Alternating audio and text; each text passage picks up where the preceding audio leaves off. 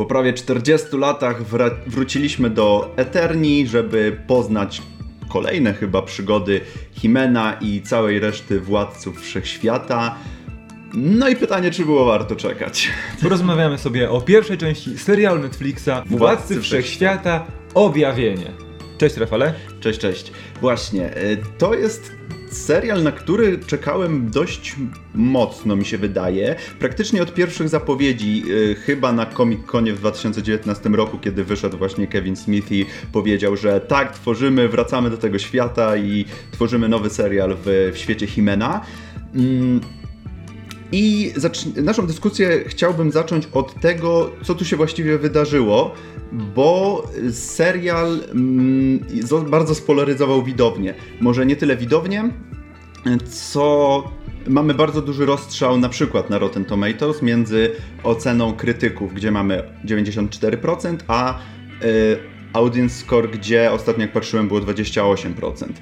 I z czego to wynika? No i z czego to wynika? To jest właśnie pytanie. Nie mam pojęcia, bo mi się ten serial y, na samym wstępie już powiem niesamowicie podobał. Y, Jest y, mimo, że znaczy wiadomo z czego to wynika i o tym sobie zaraz porozmawiamy. Natomiast y, ja tutaj czułem ducha kreskówki tej z lat 80. Mimo, że też jakimś dużym fanem nie byłem, jednak gdzieś tam ten Himen cały czas gdzieś w moim dzieciństwie się przejawiał, gdzieś tam oglądałem, nie obejrzałem całego serialu, ale jakby znam postacie, wiem o czym była fabuła, yy, kojarzę, więc no generalnie czekałem, czekałem, czekałem i w tej kreskówce jest bardzo dużo tych elementów y, znajomych dla fanów, dla ludzi, którzy znają oryginał, bardzo dużo rzeczy, które praktycznie od, pierwszego, od pierwszej minuty czujesz się jakbyś wrócił do, do domu, czy jakbyś po prostu spotkał y, jakichś znajomych, których dawno nie widziałeś. Ale to, o czym chcemy teraz porozmawiać, to właśnie ten rozstrzał w, i ta polaryzacja widowni. E, No bo i to jest coś, co ja tobie pisałem w trakcie oglądania, że ja zdaję sobie sprawę, dlaczego może być ten problem. A problem wynika z tego, że mm, mam wrażenie, że trochę nas tutaj twórcy oszukali materiałami promocyjnymi i pierwszym odcinkiem. Ze względu na to, że Materiały promocyjne były głównie nastawione na nostalgię, głównie nastawione na e, pokazanie nam tego, co się dzieje w pierwszym odcinku. E, I tutaj będzie właśnie e, drobny spoiler do tego, że właśnie Himena i Szkieletora, czyli tych tą dwójkę, na którą chyba wszyscy najbardziej czekali, e, ich mamy praktycznie tylko i wyłącznie w pierwszym odcinku. I to z tego odcinka były głównie materiały promocyjne, żeby nam to sprzedać. Natomiast pierwszy odcinek się odnosi jeszcze do końcówki jakby starego serialu, natomiast cała reszta e, z tego, tej połowy sezonu e, przenosi nas w czasie o rok, kiedy Szkieletora i Himena już nie ma, Adama, księcia Adama też już nie ma, e, gdzie w Eterni zaczyna e, znikać magia. I naszą główną bohaterką tutaj jest y, Tila, która, no, która ma misję, żeby jakby Jaką- pomóc. Jaką ma misję? Jaką? No właśnie na początku nie ma żadnej misji. I też fajnie... Ale dostaje ją Ja mam taką, jed, taką, taka jedna rzecz, bo faktycznie widać wyraźnie, że jest to kontynuacja, to jest sukcesor oryginalnej Mhm. kreskówki z lat 80., czyli Himen i Władcy Wszechświata.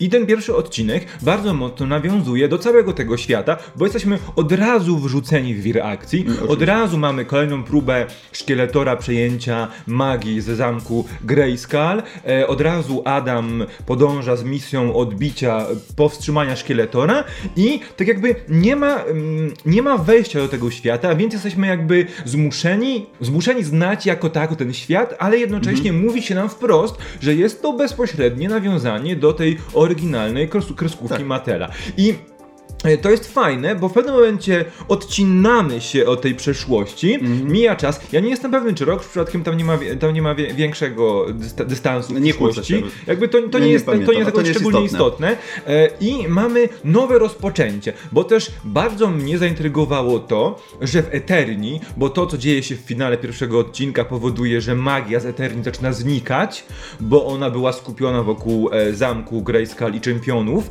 mm, i na miejsce magii, mimo że ona sobie jeszcze tam jakoś tam dogorywa, istnieje, są źródełka magicznej mocy i tak dalej, i tak dalej, i są ci ludzie, którzy pamiętają, że moc, że magia była istotna w Eterni, na miejsce magii wchodzi technologia. I to jest bardzo fajne, bo to nie tylko, nie widzimy tego e, na przykładzie kultu, tego te, technokratów, którzy w, wszczykują sobie materię i zamieniają się w cyborgi, tylko mamy też na przykład na przykładzie tego, jakimi e, urządzeniami posługują się nasi bohaterowie, albo jak zmienia się w ogóle fortyfikacja e, zamku Szkieletora, bo został on przejęty przez innych przywódców. I to jest bardzo ciekawe. Po epoce, po erze magii wchodzimy w erę technologii i nauki, może za dużo powiedziane, bardziej technologii, bo ona też była taka magiczna technologia. I od tego momentu zaczyna się historia, bo Tila dostaje misję od sorcererki i na tę misję wyrusza z niespodziewaną drużyną. No nie? I to jest też fajne. To jest bardzo ciekawe, bo tak naprawdę y, pojawiają się tutaj wszystkie znane postacie z, z przeszłości, ale tak naprawdę mamy właśnie niecodzienne y, połączenie, bo y, z racji tego, że magia jakby jest istotna zarówno dla, do, dla dobrych postaci, jak i złych postaci, muszą one połączyć swoje siły i wyruszyć na tą właśnie wyprawę, żeby wykuć ten miecz mocy, który, którym posługiwał się Himen, żeby ocalić magię w Eterii. Więc mamy tutaj drużynę złożoną właśnie z Tilly, z Ewiliny, z Bestii, e, oczywiście jest Orko e, i ta bohaterka nowa, której nie było do tej pory, ta towarzyszka T, e, nie pamiętam jak ona się nazywała, Andra. I, I z Andrem. I to jest właśnie taka mieszanka postaci, które. I to jest bardzo ciekawe połączenie, no bo mamy właśnie te postacie, które były jakby naprzeciwko siebie przez cały stary serial i one tutaj, yy, to jest bardzo ciekawe połączenie. Mimo i do ba- bardzo późnego etapu fabuły yy, miałem wrażenie, że faktycznie zajdzie tutaj jakieś pojednanie, połączenie E, No to jak się kończy, cliffhanger, którym się kończy ta część sezonu, pokazuje, że jednak nie do końca tak jest.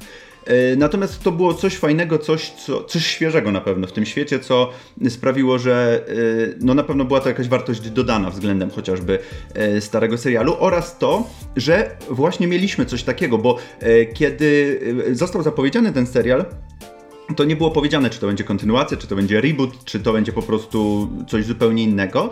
Natomiast y, ja byłem przekonany, że dostaniemy po prostu, wiesz, tak jak w starym serialu, że każdy odcinek to będzie, właśnie. będziemy się skupiać na tym, jak szkieletor będzie chciał prze, y, przejąć posępny czerep, nie? I właśnie widzisz, i to jest ciekawa rzecz, bo ja czytałem sobie fajny reporter stworzony przez Variety, który zebrało wszystkie wypowiedzi i wszystko to, co działo się wokół e, tworzenia tego serialu. I Kevin Smith mówił, że jeśli to właśnie jedna z jego wypowiedzi już w stronę krytyków, fa- fanów uniwersum, którzy krytykowali jego podejście, że jeśli chcieliście dostać kolejne pojedyncze historie, e, gdzie szkieletor chciał ukraść, chciał, chciał przyjąć magię i walczył z Himenem, no to wróćcie sobie do oryginalnej kreskówki z lat 80.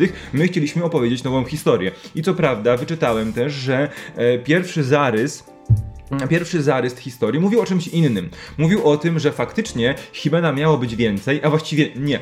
Himena byłoby prawdopodobnie tyle samo, ile było e, w tej wersji, ale księcia Adama miało być więcej, bo tak naprawdę na początku ta historia miała opowiadać już na pierwszym, w pierwszym momencie, że szkieletor e, zwycięży nad naszą drużyną i on będzie e, dzierżył całą magię w Eterni, a my księcia Adama będziemy widzieć właśnie z pozycji tej postaci bez mocy, jak on musi przetrwać ten, e, ten moment, w którym nie jest Himenem i nie posiada e, te miecza, prawda? I to na pewno będzie e, druga część, tak będzie wyglądać druga część serialu, bo ona będzie przedstawiała e, wywrócony teoretycznie do góry nogami status quo w tym uniwersum i będziemy obserwować, jak nasi bohaterowie będą chcieli wrócić mm, do magii, która była magią Odzyskać. Ku, ku czynieniu dobra.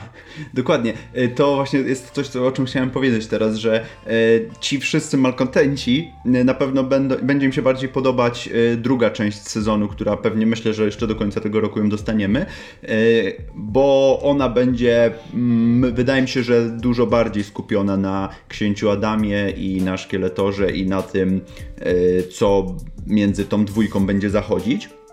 Natomiast chciałem porozmawiać, jeszcze tak y, szybko, y, żeby już jakby się bardziej w spoilery może nie zagłębiać, to chciałem jeszcze tylko powiedzieć krótko o kresce tej, bo mm, to jest coś, co y, dla mnie jest istotne w oglądaniu takich animacji i, i ja mam zazwyczaj problem z tymi, mm, powiedzmy, anime Netflixowymi, ze względu na to, że to jest takie właśnie bardzo w stylu amerykańskim to anime. W sensie oni tam nie przykładają e, dużej wagi do tej kreski.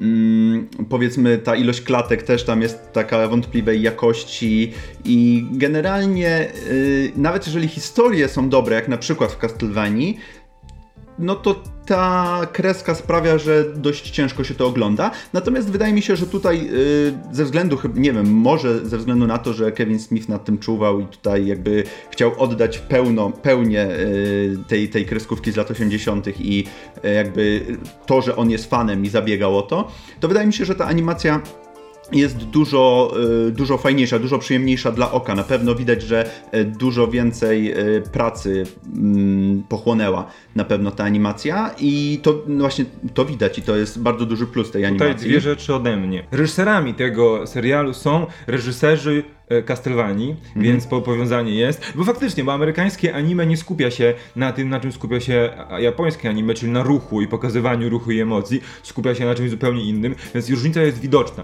A druga rzecz, Kevin Smith nie do końca jest fanem, inaczej, nie do końca był fanem samego Himena, dlatego że on powiedział w jednym z wywiadów, że on, gdy e, oryginalna kreskówka leciała e, w sobotę rano w telewizji amerykańskiej, on był już nastolatkiem i on nie za bardzo, e, do niego nie za bardzo przemawiał koncept półnagiego mężczyzny, który co tydzień walczy z tym samym wrogiem o to samo i nie ma rozwoju postaci, bo to jest trochę w ten sposób ten świat działa, bo miał sprzedawać zabawki, ale jednocześnie bardzo był wielkim fanem samego szkieletora i mhm. e, tego, jak ta postać wygląda.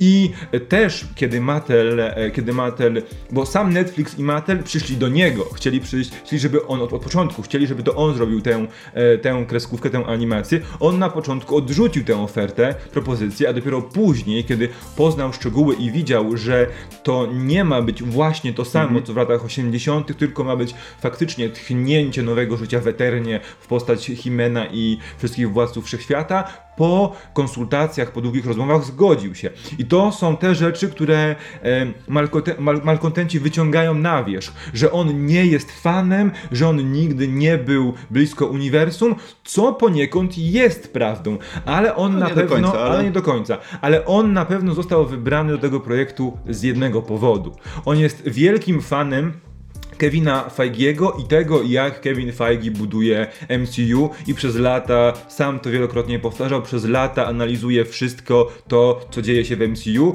i rozumie tak przynajmniej mówi, że rozumie na czym ma polegać branie rzeczy, które znamy i kochamy, bo wychowaliśmy się na nich, tak jak na przykład He-Man czy na przykład komiksy Marvela i przekształcanie, e, przekształcanie ich na nowy model medium i uwspółcześnianie ich. Więc prawdopodobnie dlatego Netflix i Mattel mając taką markę jak e, Masters of the Universe chcieli kogoś, kto faktycznie mógłby podciągnąć ten projekt być może w przyszłości pod większe uniwersum, bo jeśli ten serial, no teraz te szanse zostały trochę przygaszone, ale jeśli ten serial faktycznie spodobałby się i osiągnął sukces, no to na pewno powstawałyby kolejne spin-offy. Mhm. I mieliśmy przykład Shiry i Księżniczek Mocy, który był serialem przeznaczonym raczej dla młodszego widza, ale osiągnął spory sukces na e, Netflixie. Jeśli ktoś nie wie, to to jest tak naprawdę, to jest ciekawa historia, bo Shira w oryginalnej kreskówce, z tego co wiem, była siostrą Adama,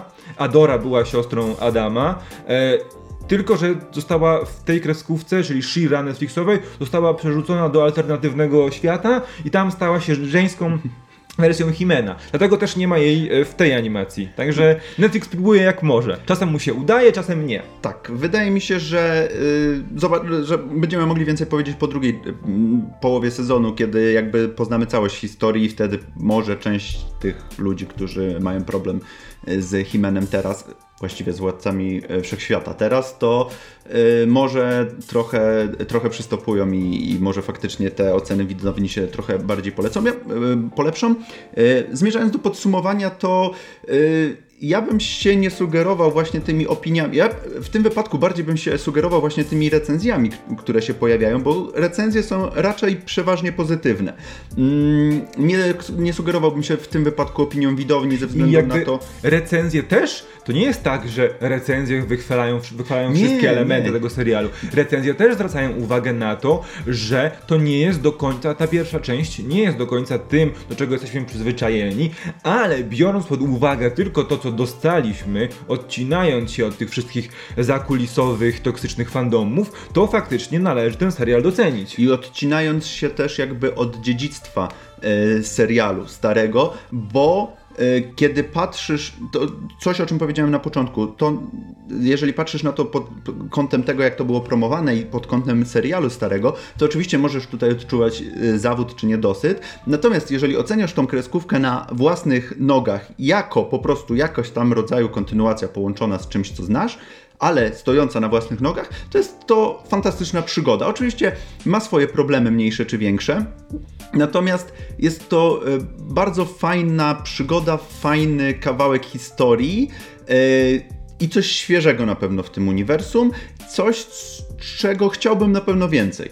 I no, ja zdecydowanie będę czekał na, na drugą połowę sezonu i mam nadzieję, że mm, ta druga połowa sezonu będzie na tyle ok, na tyle dobra, że jakby yy, da jakby tutaj szansę na, na tak, pomost na kolejne serie, na kolejne spin-offy czy na kolejne sezony. Ja też jestem pod dużym wrażeniem, jak e, zamknięta całość tego serialu sprawdza się, jak faktycznie m, mm, jako historia e, wygląda dobrze i dobrze się ją ogląda. E, jednocześnie mam, ja z kolei mam problem z tym, że e, tak w finale zmarginalizowana jest rola postaci, która tak jest budowana przez całą, mhm. całą serię, czyli naszej Tilly, która faktycznie faktycznie robi tam wszystko pod nieobecność Adama, e, prawda? I z tym mam delikatne problemy, ale też rozumiem, z czego to wynika, prawda? I, i po co to w ten sposób, i po co ta historia w ten sposób mhm. e, wygląda i dlaczego tutaj zmierzamy do końca tej części i w drugiej części będziemy mieć troszeczkę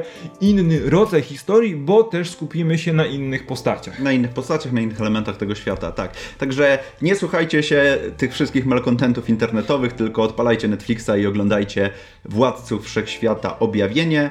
E, na Netflixie możecie to obejrzeć i dawajcie znać w komentarzach, czy podobał Wam się ten serial jako oddzielny twór, niepowiązany z, e, ze starym Himenem, a także a nawet jeżeli, jeżeli, jeżeli pamiętacie tą kreskówkę, to w odniesieniu do niej, jak, e, jak Wam się podoba ten, ta produkcja, czekamy na Was w komentarzach. Pamiętajcie również o łapkach w górę i przycisku subskrybuj, a my widzimy się w kolejnym materiale. Trzymajcie się. Cześć. Cześć.